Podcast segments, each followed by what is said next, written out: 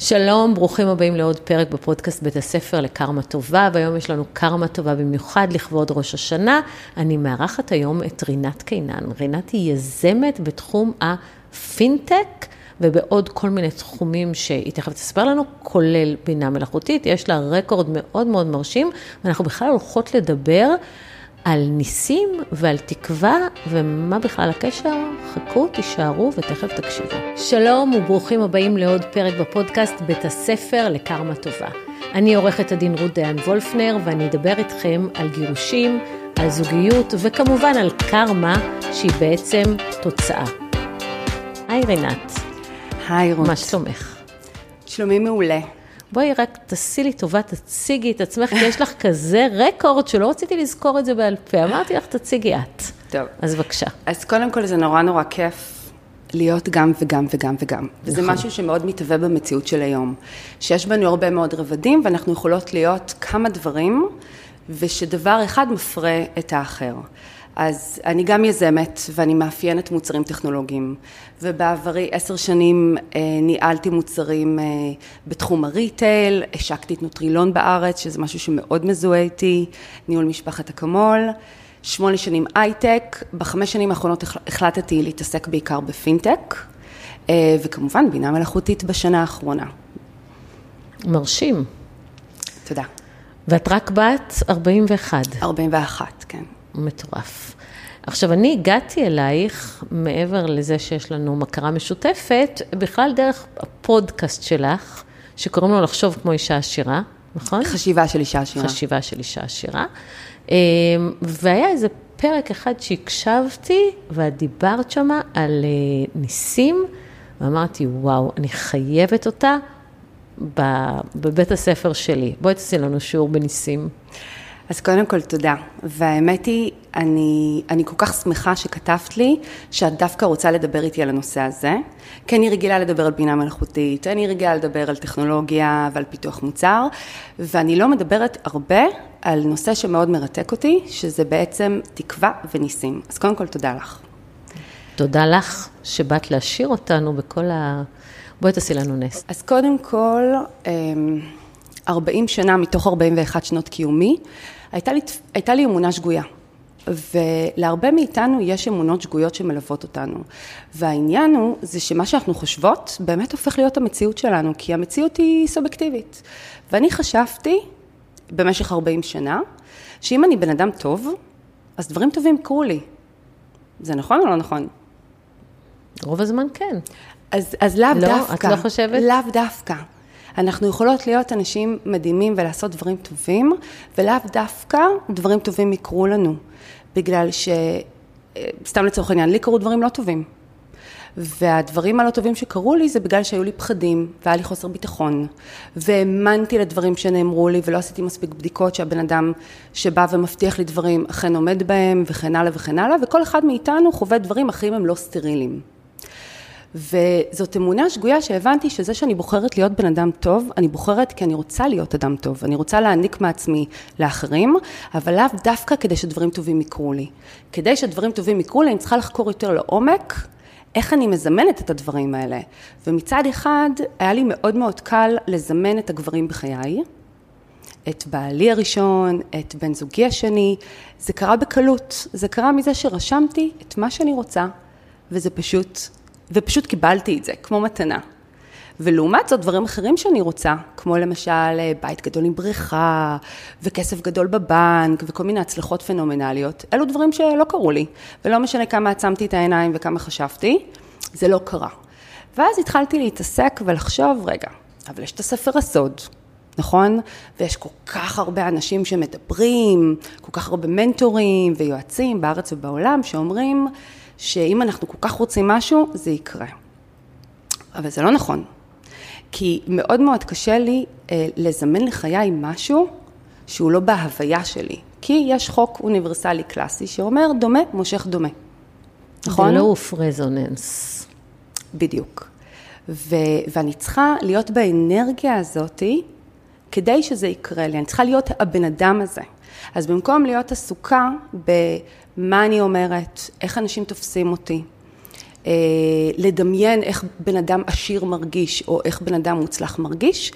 בואו רגע אני אתעסק בעצמי, ואני אעשה עבודה על עצמי להיות הבן אדם הזה שאני רוצה לפגוש. ואז קסמים יקרו. וזה עובד בדיוק ככה.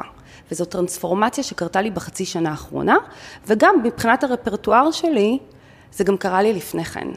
כי לדוגמה, לקבל נאמבר 1 בסט סלר באמזון, מצד אחד זה וואו, נכון?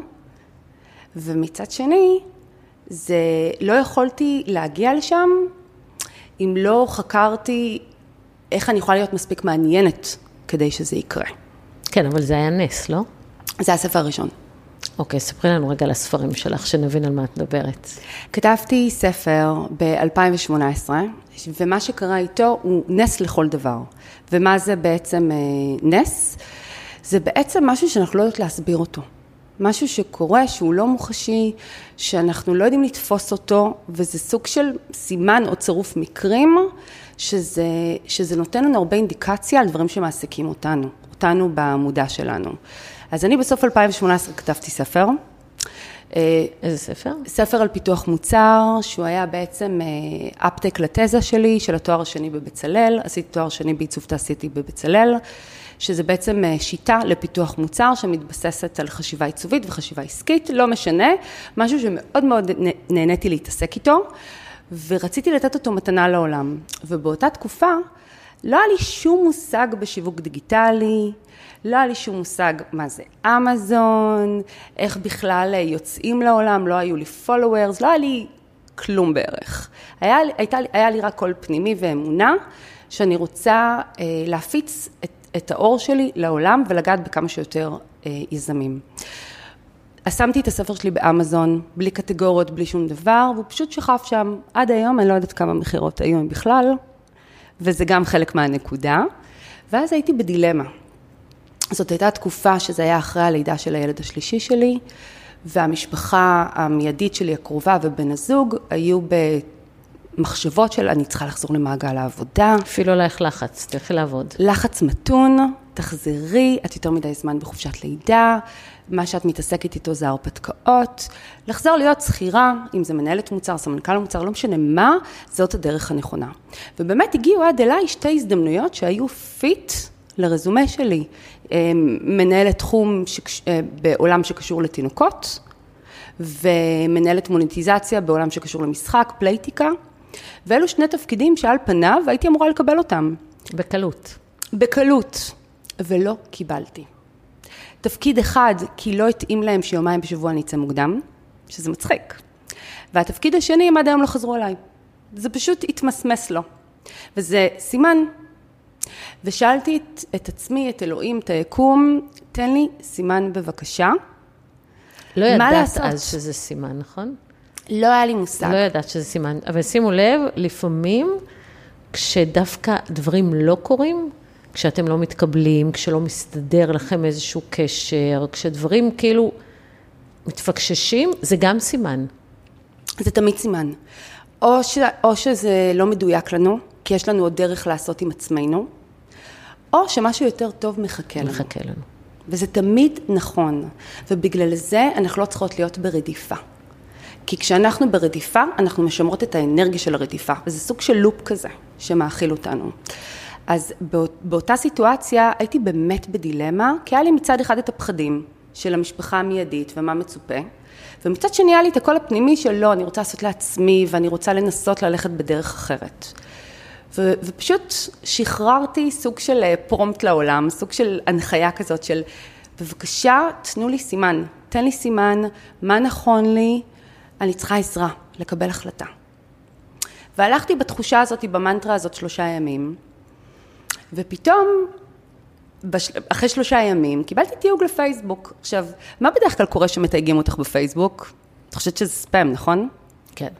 אני זה ישר... בדרך כלל ספאם. זה בדרך כלל ספאם. אני ישר נכנסת, לא משנה מה אני עושה, אני ישר נכנסת, מתוך רצון להסיר את התיוג, כן. שלא חס וחלילה... שיעזבו אותי בשקט. נכון, לא ללכלך אה, את הפרופיל. את הפיד.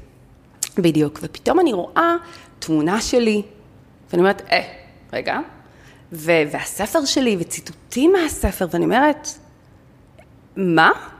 והתחלתי לקרוא, והיה כתוב שם בכותרת, a sessional read, ועד היום זה קיים בגוגל, ב-22 לפברואר 222, 2019, עלה ריוויו על הספר שלי, הספר הראשון שלי, עם, עם ציטוטים מהספר, למה זה חובת קריאה לכל יזם מתחיל. זאת אומרת, אפילו הכותרת הייתה איזשהו אשרור לכמיהה שהייתה לי בלב, האם, האם, האם עשיתי את זה לא בכדי, לא לחינם?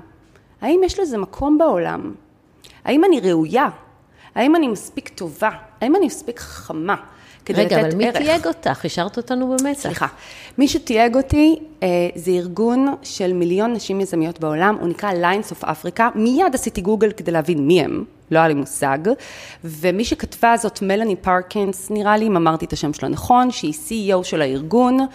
זה ארגון שמעצים נשים יזמיות אה, באפריקה, הם יושבים בלונדון. אה, יש להם קהילה של מיליון נשים יזמיות, והיא והיא פשוט איכשהו הגיעה לספר שלי, ויש המון ספרים על יזמות, בטח של פיתוח מוצר. המון, המון. ו- ועם כל הכבוד מי אני, ישראלית שפעם ראשונה כתבה ספר באנגלית, ואיכשהו היא החליטה שהיא רוצה לקרוא את הספר, והיא התאהבה בספר, והעלתה ציטוטים וסיבות. למה הספר שלי הוא פעם ראשונה כלי פרקטי ליזמים ולא תיאוריה, ומשהו שבאמת הם צריכים כדי לקחת רעיון ולהפוך אותו לעסק בר הצלחה כלשהו. וזה היה נס. מה זה עשה, התיוג הזה? וואו. אה, קודם כל המון. קודם כל הבנה שלפעמים אה, את לא צריכה להתאמץ. ודברים שהם נכונים לך, הם מגיעים. בזמן שלהם, אבל הם מגיעים. וכשהם מגיעים, הם מגיעים בכל תרועה כזאת. את פתאום מקבלת אהבה. את פתאום מקבלת uh, טלפונים שעד לפני יום בכלל לא התקיימת, מי את בכלל, וזה נורא כיף, וזו זכות גדולה. ו, ואת מבינה שאת לא צריכה להילחם. את צריכה פשוט לרצות ולתת למחשבה הזאת להפוך להיות חלק ממי שאת. ואז זה ממגנט דברים מדהימים, קסמים, הזדמנויות, מחשבות, מחשבות שלפני כן לא היו לי בראש, פתאום פתאום נכנסו לי לראש, שאני יכולה בעצם אה, להשתמש בשיטה הזאת ולהציע אותה ליזמים בכל העולם דרך תוכניות אקסלרציה. אקסלרטור בסינגפור פנה אליי וביקש ממני זכות לעבוד איתי. אין לתאר. נס. נס, נס, נס, נס. וזה מאחת שלא של... התקבלה לשתי משרות בתור שכירה? כן. נס. ממש ככה. נכון. ו- ומצד שני, יש הרבה מאוד סיפורים של אנשים שלא מתאמצים וכן מתקבלים לדברים. וזאת בדיוק האמונה השגויה שקיימת בנו, שאנחנו חושבים שאנחנו צריכים להתכונן ולעבוד קשה, והדברים הם יכולים להיות מאוד effortless. אבל לפעמים אתה צריך להתכונן ולעבוד קשה. אתה צריך בעיניי... גם עבדת על הספר. זה לא שהספר נחת עלייך משמיים, קיבלת בתקשור את הספר ועבדת קשה, כתבת ספר. זה עבודה. אז... אני, מי כמוני יודע מה זה לכתוב ספר. אז את יודעת מה? אני מאוד שמחה שאת אומרת את זה. כי, כי עבודה היא סובייקטיבית. אם אני נהנית ממה שאני עושה, וזאת מתנה עבורי, לעשות משהו שהוא יצירה, אני לא רואה את זה כדיי ג'אב, כמשהו שאני עושה עכשיו. ברור שזה לא דיי ג'אב, ברור שאת צריכה לאהוב לכתוב בשביל לכתוב טוב. אבל מה שאני רוצה לומר, זה שזה לא שקרה לך נס, ואת ישבת בבית מובטלת, ופתאום התקשרו אליך ואמרו לך, בואי, את כתבת ספר, זאת אומרת, את כן עשית השתדלות. השקעת מאמץ, כן עשית השתדלות, כן עשית משהו, לדעתי עשית משהו שמצריך אה, השקעה רצינית, אז מה אם את אוהבת את זה? השקעת בזה זמן, השקעת נכון. בזה אנרגיה, השקעת את הנשמה שלך בספר, לגמרי. רצית לעשות טוב בעולם, זה לא שזה קרה בלי מאמץ. לא התאמצת שזה יגיע לארגון הזה, פשוט הנחת את הספר. אבל, אבל כן, אני, כן, אני חושבת שלהגיד שלא צריך לעשות שום מאמץ בקלות נטולת מאמץ, זה קצת חוטא למציאות שכן מחייבת אותנו לעשות השתדלות ומאמץ בשביל משהו שאנחנו רוצים. ההבחנה בין אה, לעבוד מאוד מאוד קשה, חיצונית, לבין לעשות עבודה פנימית. וכשאנחנו עובדות על עצמנו ועל הערך שאנחנו מביאות לעולם, ואנחנו משדרגות את החלומות שלנו, ועולות מדרגה בסטנדרטים שלנו וברצונות שלנו, קסמים יכולים לקרות. ניסים. נכון. זה שזה קסם. נכון, נכון, נכון, נכון, נכון. אפשר לקרוא לזה צירופי מקרים. אפשר להגיד, הייתי במקום הנכון, ברגע הנכון. אבל בסוף, זה, זה עניין של, אה, של הוויה. שאנחנו הופכות להיות האדם שראוי לאנרגיה ולכל הדברים שפתאום מתמגנטים אלינו. כי בסוף דומה מושך דומה. וזו תובנה שדרך אגב, הבנתי אותה רק לפני חצי שנה. זאת אומרת, אני חיים שלמים הלכתי באמונה שגויה, שאני צריכה להתאמץ, ו- ואני צריכה לעבוד קשה. והדוגמה לכך הייתה שתשעה חודשים עשיתי סטארט-אפ עם שותפה לא נכונה, ו- ולא התקדמתי מילימטר, בכלל, לא התקדמתי. וכל היום הייתי בפגישות עם משקיעים ודברים, ו- ושום דבר לא קרה. וברגע שהבנתי שאני לא מרוצה מהמציאות שלי, משהו לא טוב קורה לי, ותמיד המציאות שלנו היא שיקוף של, של מי שאנחנו. ואם אנחנו לא מרוצות, וזה מתחבר לתקווה, אנחנו יכולות לבחור לשנות את המציאות שלנו. בכל מקום בעולם, בכל רגע נתון, אנחנו יכולות לבחור. והבחירה צריכה להיות להשקיע בעצמנו. אני מחזירה אותך רגע לסטארט-אפ. כן. אז היה לך, אז היה לך סטארט-אפ ו... היו לי כמה סטארט-אפים. אמרת שלפני חצי שנה רק היה לך... נכון. ב- ביוני 22 עזבתי אה, סטארט-אפ פינטק שגייס 21 מיליון דולר, סטארט-אפ מדהים לגביית חובות, שעשינו שם תיקון, תיקון עולם קטן, אה, לא לצלק אנשים שצריכים לקחת אחריות על מוצרים שהם קנו ולא שילמו, וזה היה באוסטרליה.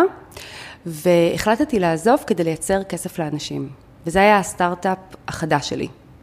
אה, סטארט-אפ שבעצם... אה, שאת נתקע בעצם, זה, זה כן, הסטארט-אפ שנתקע? שקונספטואלית הוא סטארט-אפ מדהים, כי הוא בעצם אמור לתרגם נכסים דיגיטליים לכסף לכל אחד מאיתנו. ולא, ו, ו, ושום דבר לא התקדם. היה לנו אופציה לפיילוט עם חברת אדידס, היו משקיעים אה, במרכז אמריקה שרצו לשים כסף, אבל משהו הרגיש לי לא נכון.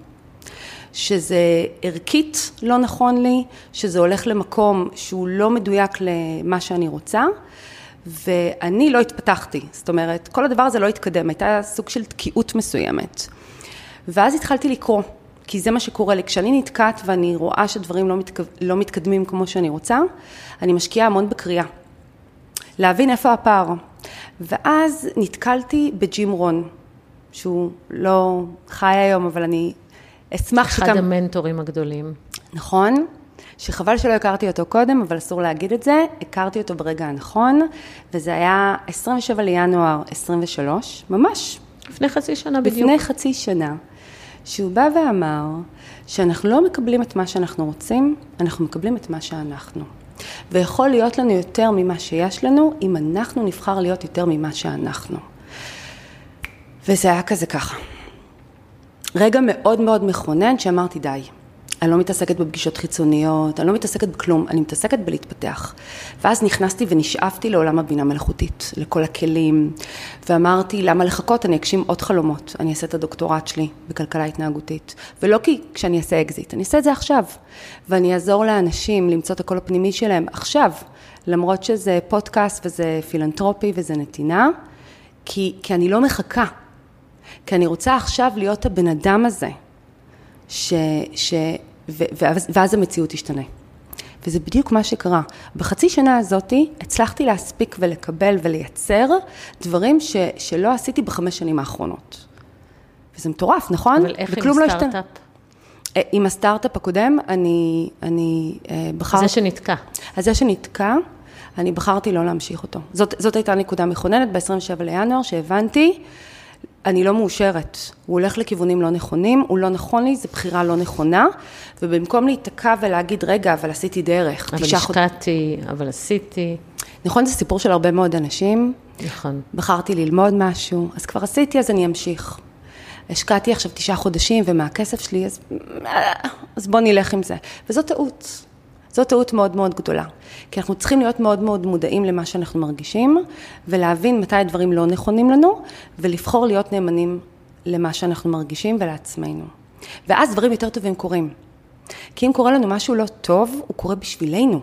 זה היה wake-up call בשבילי, שהקונסטלציה שתפרתי מחוסר ביטחון, כי למה בחרתי שותפה? בחרתי אותה מחוסר ביטחון, שחשבתי שהיא תהיה הפנים היותר טובות למוצר, שהיא תדע יותר טוב ממני על הרעיון שאני רוצה לעשות, שהיא תביא תיקון עולם טוב יותר, וזה לאו דווקא נכון. בסדר, מותר לטעות. נכון. זה, זה, חלק, זה חלק מהתהליך של עצמנו. החוכמה היא, זה לא ההבחנה של טעיתי, צדקתי, זה בכלל לא מעניין. זה ההבחנה של איזה חיים אני מייצרת לי, ואם יש דברים שהם לא נכונים לי, אני מרחיקה אותם, ולא מתקרבנת עליהם, של אוי, למה זה קרה לי, ולשקוע בדיכאונות. לא, לא צריך לשקוע בדיכאונות. זה בדק בית עם עצמי של להרחיק דברים לא טובים, ולעשות עבודה על עצמי, על דברים שאני כן רוצה, ופחדתי לגשת עליהם. אז אני, אני אלמד יותר, אני אתפתח יותר, אני אה, אתחבר לאנשים יותר נכונים, כדי ללמוד יותר, כדי להיות יותר ממה שאני, ולזמן לי את המציאות שאני כמהה לראות בחיי. אז איך מזמנים ניסים? קודם כל, הדבר אה, שקורה גם היום בבינה מלאכותית, את צריכה לשאול את השאלה. אה, בבקשה. יש את האמרה הזאתי, שזה זה סיפור שאני לא יודעת אם, אה, אני בטוחה שאת מכירה אותו, של בן אדם שהלך לכנסייה כל בוקר והתפלל מול, מול פסל, ואמר לו, אלוהים, תעשה שאני אזכה בלוטו. תעשה שאני אזכה בלוטו, והפסל לא ענה. וככה כל יום מנטרה כזאת במשך כמה חודשים. ואז יום אחד הפסל ענה, ואמר לו, מה אתה רוצה? תעשה לא לוטו. תמלא לוטו, ואז תעשה את ההשתדלות. ו- בעיניים שלי ההשתדלות זה לעשות את העבודה העצמית. דברים לא מסתדרים לך, לכי תקראי ספר טוב. לכי תנהלי שיחה טובה. אה, לכי תרשמי דברים שאת רוצה, רצונות שאת כמהה אליהם. ואז תשאלי איך. האיך משנה את המציאות. פתאום הניסים קורים, הקסמים קורים. כי אז או שאת מקבלת רעיון שלא חשבת עליו קודם, והוא עוזר לך לעשות את הקפיצת מדרגה, או שפתאום סיטואציות משתנות. פתאום את מכירה אנשים שהם הפתרון של מה שאת רוצה לראות. וזה הקסמים, זה הניסים. תגידי, ואיך אה, מקשיבים לסימנים? כי דיברנו קודם על זה שבעצם כשאנחנו מבקשים משהו, אז אנחנו מקבלים סימנים. לא תמיד אנחנו רואים שאנחנו מקבלים סימנים. אז בואי נדבר על מה זה בכלל סימנים. סימנים יכולים להתפרש בכל דבר. זאת אומרת, זה יכול להיות שיש שאלה שמעסיקה אותך ואת על הכביש, ואת אומרת, אוף, למה הוא עשה לי את זה? ופתאום את רואה בילבורד של... אה, זה בגלל שלא הקשבת לו. זה בכלל פרסומת לשיני, למשחת שיניים. אז סימן יכול להיות טקסט כתוב למשהו שלך הוא נותן משמעות. את מבינה את ההקשר. או שיר ברדיו. או שיר, בדיוק, או שיר ברדיו. או צירופי מקרים של כתובת, שאת פתאום מגיעה אליה וכתוב אה, רק תאמיני. או אני מאמין. או אה, שלא, לא יודעת, זאת אומרת, זה יכול להיות במספרים, זה יכול להיות בצבעים, זה יכול להיות במילים, זה יכול להיות בהקשרים של שמות. סימנים יכולים לבוא אלינו בכל דרך אפשרית. אבל נראה לי שאת פשוט צריכה להאמין שאת מקבלת סימן. זה כמו אנשים דתיים שאומרים, הנה, את יודעת, אני אספר לך סיפור מעניין. כשאני למדתי באוניברסיטה, זה היה לפני איזה 30 שנה, הייתה לי חברה מאוד טובה שחזרה בתשובה. והיא מאוד מאוד ניסתה להחזיר אותי בתשובה, לא הלך לה. אמ, ובעלה היה אה, טייס. והוא גם רצה לחזור בתשובה, אבל הם היו כזה, את יודעת, הם התנדנדו. ואז אמ, הוא, היא סיפרה לי שהוא פנה, קרא לזה השם, פנה לשם ואמר לו, השם, תן לי סימן שזה מה שאני צריך לעשות. והיה להם איזשהו סמינר של אה, החזרה בתשובה. ובדיוק בתאריך של הסמינר, הטייסת שלו נכנסה להדממה. ואז הוא יכול היה ללכת לסמינר הזה, ומבחינתם, זו, זה היה סימן משמיים לזה שהם צריכים לחזור בתשובה. עכשיו, מבחינתי, זה היה, אוקיי, חיפשת בכוח משהו, אז מצאת, זה לא בעיה אם מחפשים מוצאים. אה, כי היא מאוד רצתה.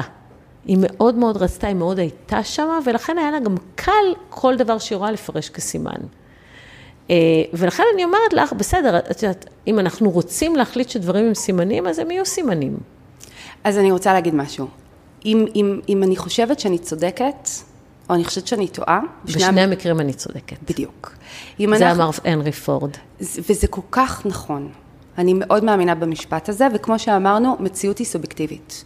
יש דברים שאני אראה ואת לא תראי, ולהפך. כי כל אחת מאיתנו ערה לדברים אחרים. אם אני יאמין שיש סימנים, כי בסוף אנחנו אנרגיה, אנחנו אנרגיה אחת, וכל דבר משפיע, אם אנחנו נבחר שהוא ישפיע. אז, אז אנחנו בהכרח נראה את הסימנים האלה. כמו שאמרת לי קודם, אם אני בהיריון, פתאום אני רואה מלא נשים בהיריון. כולם בהיריון. אם אני רוצה רכב מסוים בצבע אדום, פתאום אני רואה מלא כאלה. אם אני עושה פודקאסט, פתאום כולם כאלה. זה לא בהכרח נכון, אה, אבל זה נכון בעולמי. בעולם, בעולמו של מישהו אחר, הוא יראה דברים אחרים לחלוטין. זה בעצם המחשבות שמעסיקות אותנו. רגע, אני עוצרת אותך שנייה. אני רוצה לספר לך על מל רובינס, את בטח מכירה אותה. ברור. אז מל רובינס מדברת על זה שיש לנו איזושהי רשת במוח שמסננת לנו, כי אנחנו הלוא לא יכולים לקלוט הכל. ואנחנו קולטים את מה שדומה לנו, למה? כי מבחינה הישרדותית, אנחנו צריכים למצוא את אלה שהם שייכים לשבט שלנו. אנחנו צריכים לראות את האנשים שהם דומים לנו. לכן, כשאת בהיריון, את רואה נשים, נשים בהיריון, שאת עם טסלה, כולם עם טסלה. המערכת ב mind שלנו מכוונת לזהות את הדברים שדומים. ואז היא אמרה, בואו תחפשו סימנים, תתרגלו אה, לחפש סימנים ש, שאתם רוצים. למשל, רוצים להתאמן על זה? תחפשו לב. מי שיוצא החוצה ומחפש לב, מוצא לב. נכון. הלב הזה היה שם, לא בהכרח ראית אותו. מה זה, אני זוכרת שהקשבתי לפודקאסט הזה, הלכתי לרוץ וצילמתי איזה שלוש צורות של לב שראיתי פתאום. כי היא אמרה, תשימו לב. ולכן, אם אתה באמת רוצה לראות דברים שהם יהיו כמוך, ש, לאסוף סימנים טובים, תחפשו אותם. נכון. אז אני רגע, אני, מס, כאילו, אורזת את מה שמל רובינס אומרת, קודם כל זה נכון. כשאנחנו מחפשות משהו, אנחנו בהכרח מוצאות, או מחפשים. אה, זה יכול להיות לב, זה יכול להיות מחזיק מפתחות, זה יכול להיות כל דבר. אנחנו תמיד נמצא. כי, כי כמו שאת אומרת, הבינה שלנו תרשת מתוך כל המיליון ואחד דברים שקיימים בחוץ, ותדע להתביית אם זה עלה לנו בראש. עכשיו, אנחנו תמיד מוצאים... אנחנו תמיד ממגנטים לעצמנו את מה שאנחנו. אם אנחנו עסוקות, סתם, אם אני עסוקה לדוגמה בספרים, או עכשיו אנחנו מנהלות שיחה על מל רובינס, אם אני אנהל את השיחה הזאת עם מישהי אחרת, לא בהכרח מל רובינס יקפוץ לשיחה. זה פשוט אנרגיה דומה שהתקיימה והפכה להיות שיחה. אמ, דברים קורים ומתקיימים בהוויה שלנו כי אנחנו חושבים עליהם, כי זה מעסיק אותנו. אם אני אחשוב שכולם בדיכאון, אני בהכרח אראה את זה. אם אני אחשוב שכולם שמחים, אני בהכרח אראה את זה. למשל, מה שקורה בחוץ, היום, ברחובות. יש אנשים שזה צובע להם את כל היום, ויש אנשים שזה כאילו לא מתקיים בעולמם. טוב, אלו המנותקים. כן, אבל זאת הנקודה. אחד הדברים הכי חשובים כדי שניסים יקרו, זה ההבנה של הבינה שלנו, הבינה האנושית שלנו היא יותר חכמה ויותר חזקה ממה שאנחנו חושבים. אחד, היא יכולה לשלוף לנו דברים, היא מספיק שנשאל איך. רק תשאלי איך. זה כמו שתכתבי לבינה מלאכותית איך, והוא ישלוף לך מלא מלא תשובות, ואנחנו כולנו מתלהבים מהבינה המלאכותית. שנייה, מאיפה זה הגיע? מהבינה האנושית. כי כשאת שואלת איך ותניחי לזה, פתאום את תראי שאת מקבלת תשובות, או מבחוץ או ממך. פתאום לפני שאת הולכת לישון, תעלה, תעלה לך מחשבה, הנה הפתרון. ככה אדיסון חשב על הנורה. זו תבונה אינסופית שמספיק שנשאל איך, וזה יקרה. וזה יכול להיות אצלנו, וזה יכול להיות חיצונית. וזה נס, כי את לא יודעת מאיפה זה הגיע, מאיפה המחשבה הזאת פתאום הגיעה, מאיפה הבן אדם הזה הגיע, מאיפה הלב הזה, כשרצתי ופגשתי. וזה הקסם, זה היופי במציאות שלנו. שאנחנו יכולים לזמן לעצמנו ניסים. אנחנו תמיד יכולים לזמן לעצמנו כל דבר שנרצה, אבל אם אנחנו רוצות שזה יקרה מחר, ושזה יקרה מיידית, אנחנו צריכות להיות הדבר הזה. אני יכולה לזמן לי, סתם לדוגמה, הבעל הראשון שלי היה טייס. כי זה עניין אותי, היה לי על מה לדבר איתו. אבל, אבל אם הייתי מזמנת ליצן, ואני לא מצחיקה, אז הוא לא היה נשאר, הייתי מזמנת, והוא לא היה נשאר בחיי. את יודעת שסטטיסטית, אנשים שזוכים בלוטו, תוך חמש שנים... מפסידים מה... הכל. ולא משנה איזה סכום. יש כאלה שזוכים בסכומים שחיים שלמים את לא יכולה לבזבז, נכון? ותוך חמש שנים הם, הם מפסידים את הכל. כי, כי אם הם לא הופכים להיות האנרגיה של, של הכסף, של, של הבן אדם העשיר שראוי לזה, אז גם אם אני אמגנט את זה, מחר אני אאבד את זה. אז החוכמה היא זה לא רק לזמן, כי אני כן יכולה מאוד לרצות משהו ומתוך האנרגיה והכמיהה וההתעסקות לקבל את זה, אבל זה לא יישאר בחיי. אז התובנה המשמעותית שאני למדתי בחצי שנה האחרונה, זה להפוך להיות האדם הזה. ואז אני לא צריכה to fake it. I want it and I become it. אני לא אוהבת את המשפט fake it until you make it. אני יותר אוהבת want it and become it. תרצי משהו, תהפכי להיות הדבר הזה, וזה תמיד יישאר בחייך. ויהיה לך אפילו יותר ויותר מתוך הדבר הזה. נכון, אני, אני אספר לך עוד סיפור שמצדיק את זה. אני תמיד אומרת שבשביל לזמן, אתה גם צריך להרגיש, אבל אתה גם צריך להפוך להיות האדם הזה. אז כשהייתה את הקורונה, התחילה הקורונה, אני מדברת לך על אה, פברואר או מרץ, מרץ 2020 התחלנו להיסגר. עכשיו, כל משרדי עורכי הדין נכנסו לפאניקה מוחלטת. פיטרו מלא, הפסיקו, כי אמרו, אוקיי, עכשיו אנחנו הולכים לעצירה, אין כסף, אין משכורות, אין זה. ואני אמרתי, לא. אני אהיה מהמשרד הזה שבקורונה עושה יותר כסף. אז קודם כל, לא פיטרתי אף אחד. מדהים. אה, דאגתי שלכל העובדים יהיה את כל המחשוב שצריך בשביל לעבוד מהבית כאילו אנחנו במשרד. התחלתי לחשוב על דברים חדשים. איך אני, התחלתי למכור ייעוץ אונליין, שזה בכלל, את יודעת, אנשים היו סגורים בבית והם רבו, אבל הם לא יכלו לבוא להתייעץ, כי הם היו סגורים. אז אה, מכרתי ייעוץ אונליין, שאני שולחת שאלון, וממלאים אותו בשקט, בדיסקרטיות, ומקבלים את כל הייעוץ כתוב, זה מוצר שפיתחתי לקורונה. הפסקתי אותו עכשיו כי פשוט אין לי זמן לעשות את זה, אבל אני, שנת 2020 הייתה שנה מאוד רווחית למשרד שלי, כי אני החלטתי שאני לא אהיה מהמשרדים שהקורונה גורמת להם לנזקים כלכליים. אז תראי איזה יופי הסיפור שסיפרת. החלטת החלטה. לא ידעת בהכרח איך היא תתגשם ואם, וזה תקווה. כי תקווה, בניגוד לאמונה, אנחנו לא יודעות אם זה יקרה, אנחנו רוצות להאמין שמשהו טוב יקרה כתוצאה מהחלטה. רגע, יש לזה תוספת, אנחנו רוצות להאמין שמשהו טוב יקרה כתוצאה מההחלטה, ושיש לנו את הכוח להשפיע על זה. בדיוק, תודה. זה הצד השני של התקווה. נכון, ואז מה שקורה, כשהחלטת משהו, מתוך אמונה חיובית, מתוך תקווה חיובית, פתאום הגיעו רעיונות של איך, וזה כל היופי, אנחנו לא צריכות להתעסק באיך, זה מתהווה תוך כדי. נתנו קריאה פרומפט למוח, והוא התחיל להביא לנו רעיונות, כמו למשל שירותי אונליין, מי חשב על זה? בהקשר של אה, עריכת דין. איזה יופי, אנשים שסגורים בבית וצריכים ארגז כלים, ופתאום יש משהו זמין להם, שדרך אגב, בעיניי זה מוצר שכן צריך להמשיך אותו, אבל נדבר על זה בהקשר אחר. פשוט אין לי זמן. כן, כן, אבל לא, הוא לא בהכרח צריך להיות תלוי בזמן, אבל זה לא לשיחה כרגע. אוקיי. אבל הנקודה היא, החלטת משהו, הסוכריות מתחילות להגיע. ועובדה שזה קרה. אני החלטתי שאני אהיה נאמבר 1 בסלר באמזון. אני החלטתי שהשיטה שלי תיכנס לתוכנית יזמות נחשקת ונכנסה לתוכנית היזמות של זל של הבינתחומי. אני החלטתי שאני אעשה תואר שלישי בכלכלה התנהגותית למרות שאני לא בעלת תואר ראשון או שני בכלכלה. איך עשית את זה? אה, כמו שאמרת, רצון. ואז נפגשתי עם פרופסור שהכרתי דרך הספר השני שלי, שהביא לי סטודנטים לפרקטיקום, שילמדו אצלי פיתוח מוצר. ואמרתי, אני רוצה הרי כמו שאמרת, את רוצה משהו, איך זה יקרה? אני לא יודעת. פתאום עלתה לי מחשבה, רגע, הוא רצה איתי קפה לפני שנתיים, אולי אני אעשה איתו קפה? אולי אני אשאל אותו אם זה אפשרי. וזאת הייתה ההשתדלות שלי. כתבתי לו, הוא אמר לי בשמחה. נפגשנו לקפה, נסעתי, יצאתי ממחוזות תל אביב לקריית אונו. קוראים לו פרופסור גיל אבנימלך, הוא מאוד מאוד מוכר, הוא פרופסור אה, לכלכלה. ושאלתי אותו, איך אני יכולה לעשות תואר שלישי בכלכלה, כי זה הרצון שלי, ואני יודעת שאני הולכת להביא גילוי גדול בכלכלה התנהגותית. ואמן ויום אחד אני אקבל פרס נובל. זה עוד לא קרה, אבל אני... אבל יש ניסים בעולם. אבל יש ניסים ויש השתדלות ויש רצונות. ולמרות שזה נשמע מופרך, אז בשביל מה אנחנו חיים? אנחנו חיים בשביל חלומות גדולים.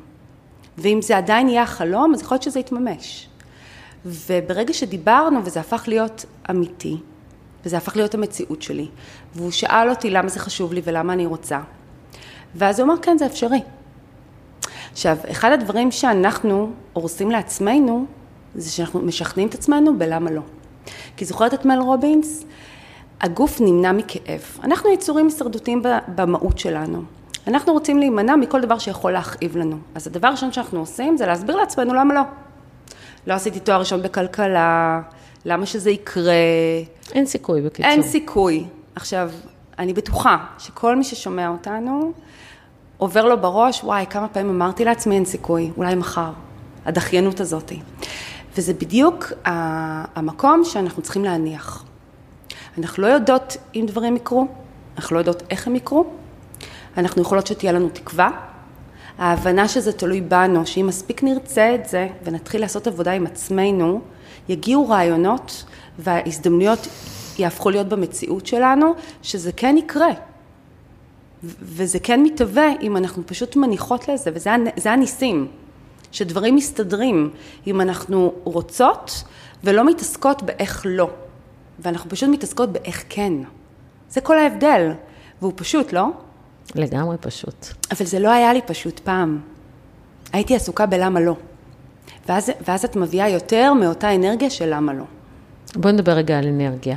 את מאוד, אה, בדיוק דיברנו לפני זה שבפודקאסטים בארצות הברית קוראים לזה כל הוו-וו, קוראים לזה וו-וו, אה, שזה כאילו רוחניות, אנרגיות, כל הדברים המוזרים האלה, ודווקא אנשים שמאוד לתוך המחקר ולתוך המדע ולתוך הזה, כן מאמינים בכל הוו הזה.